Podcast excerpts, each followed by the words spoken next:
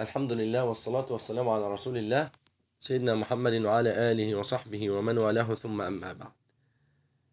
أحبتي في الله أحكام الحامل والمرضع في رمضان. وحديث اليوم هو حديث أنس بن مالك الكعبي يقول قال رسول الله صلى الله عليه وسلم إن الله وضع عن المسافر شطر الصلاة والصوم أي وضع الصوم عن المسافر وعن المرضع والحبلى هذا الحديث به فوائد نستطيع أن نستخلصها في أمر الحامل والمرضع الفائدة الأولى اتفاق أهل العلم على أن الصوم إن شق على الحامل والمرضع فلها أن تفطر. ده اتفاق أهل العلم. أن الحامل والمرضع إن نزل بها مشقة بسبب حملها أو رضاعها مع الصيام فلها أن تفطر. ثم لما اتفقوا عن على ذلك اختلفوا بعد ذلك عن ماذا عليها. يعني إن أفطرت في رمضان ماذا عليها؟ والأقوال في هذا الشأن كثيرة جدا لكن مرد هذه الأقوال أو أشهر الأقوال وأقوى الأقوال هما قولين. القول الأول أن الأول أن عليها القضاء. مثلها مثل المريض. المريض الذي يرجو الشفاء ويرجو زوال عذره فإنه يفطر ثم بعد رمضان يقضي لأن حالها مثل حال المريض. قال الله عز وجل حملته أمه وهنا على وهن. أي بسبب حملها وضعفها فلها أن تفطر مثلها مثل المريض. ثم تقضي بعد رمضان. القول الثاني وقلنا أن هذا القول هو الراجح وهو الأليق بالحامل والمرضع. القول الثاني أن عليها الإطعام. يعني كل يوم تفطره في رمضان بسبب حملها أو رضاعها تطعم مسكينا.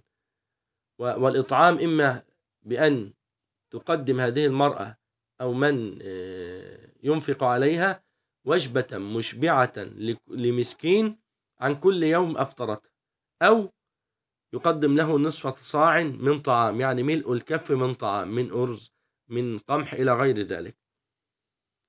وكما أسلفنا أن القول الأول هو الأرجح وأن عليها القضاء. لماذا قلنا أنه الأرجح؟ قلنا لأن ذلك المقيس على على المريض. أما من قالوا بأن عليها الإطعام وهو قول ابن عباس رضي الله عنه وأرضاه فقد قال ذلك لأنه يرى أن آية على الذين يطيقونه فدية طعام طعام مسكين نسخت في حق القادر وكلنا يعلم ذلك لكنها بقيت في حق الحامل والمرضع أو الرجل الكبير والمرأة العجوز والحامل والمرضع الآية دي كانت في بادئ الأمر. كان الصيام على التخيير. يستطيع الإنسان أن يصوم أو أن يفطر ويطعم. ثم نسخت بقول الله عز وجل فمن شهد منكم الشهر فليصم ابن عباس رضي الله عنه وأرضاه يقول أنها نسخت في حق القادر وبقيت في حق الحامل والمرضع لذلك يرى أن عليها الإطعام. وقلنا أن القضاء هو الأولى. لكن يأتي هنا السؤال الخاص من كثير من النساء وهي الفائدة الثالثة أو الرابعة.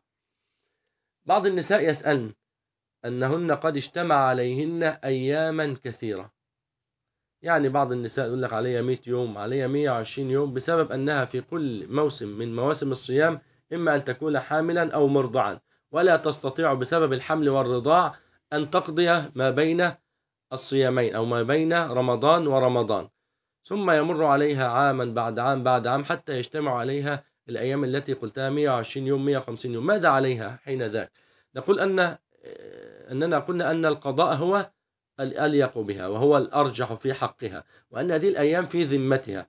إلا أن تكبر هذه المرأة ولم تقضي هذه الأيام بعد وعجزت عن الصيام إما لكبر سن أو لمرض أو أي شيء مما يعرض للإنسان ولا تستطيع القضاء.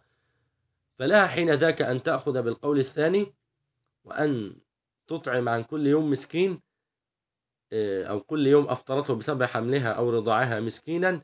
وهنا تنتقل من القضاء إلى الإطعام وذلك للعجز. لكن إن كان بها مقدرة على القضاء فهذا هو الأولى. وهذه الأيام في ذمتها نسأل الله عز وجل أن يفقهنا في يفقهنا في الدين. وأن يعلمنا ما ينفعنا وأن ينفعنا بما علمنا. إنه ولي ذلك والقادر عليه. أقول قولي هذا وأستغفر الله لي ولكم.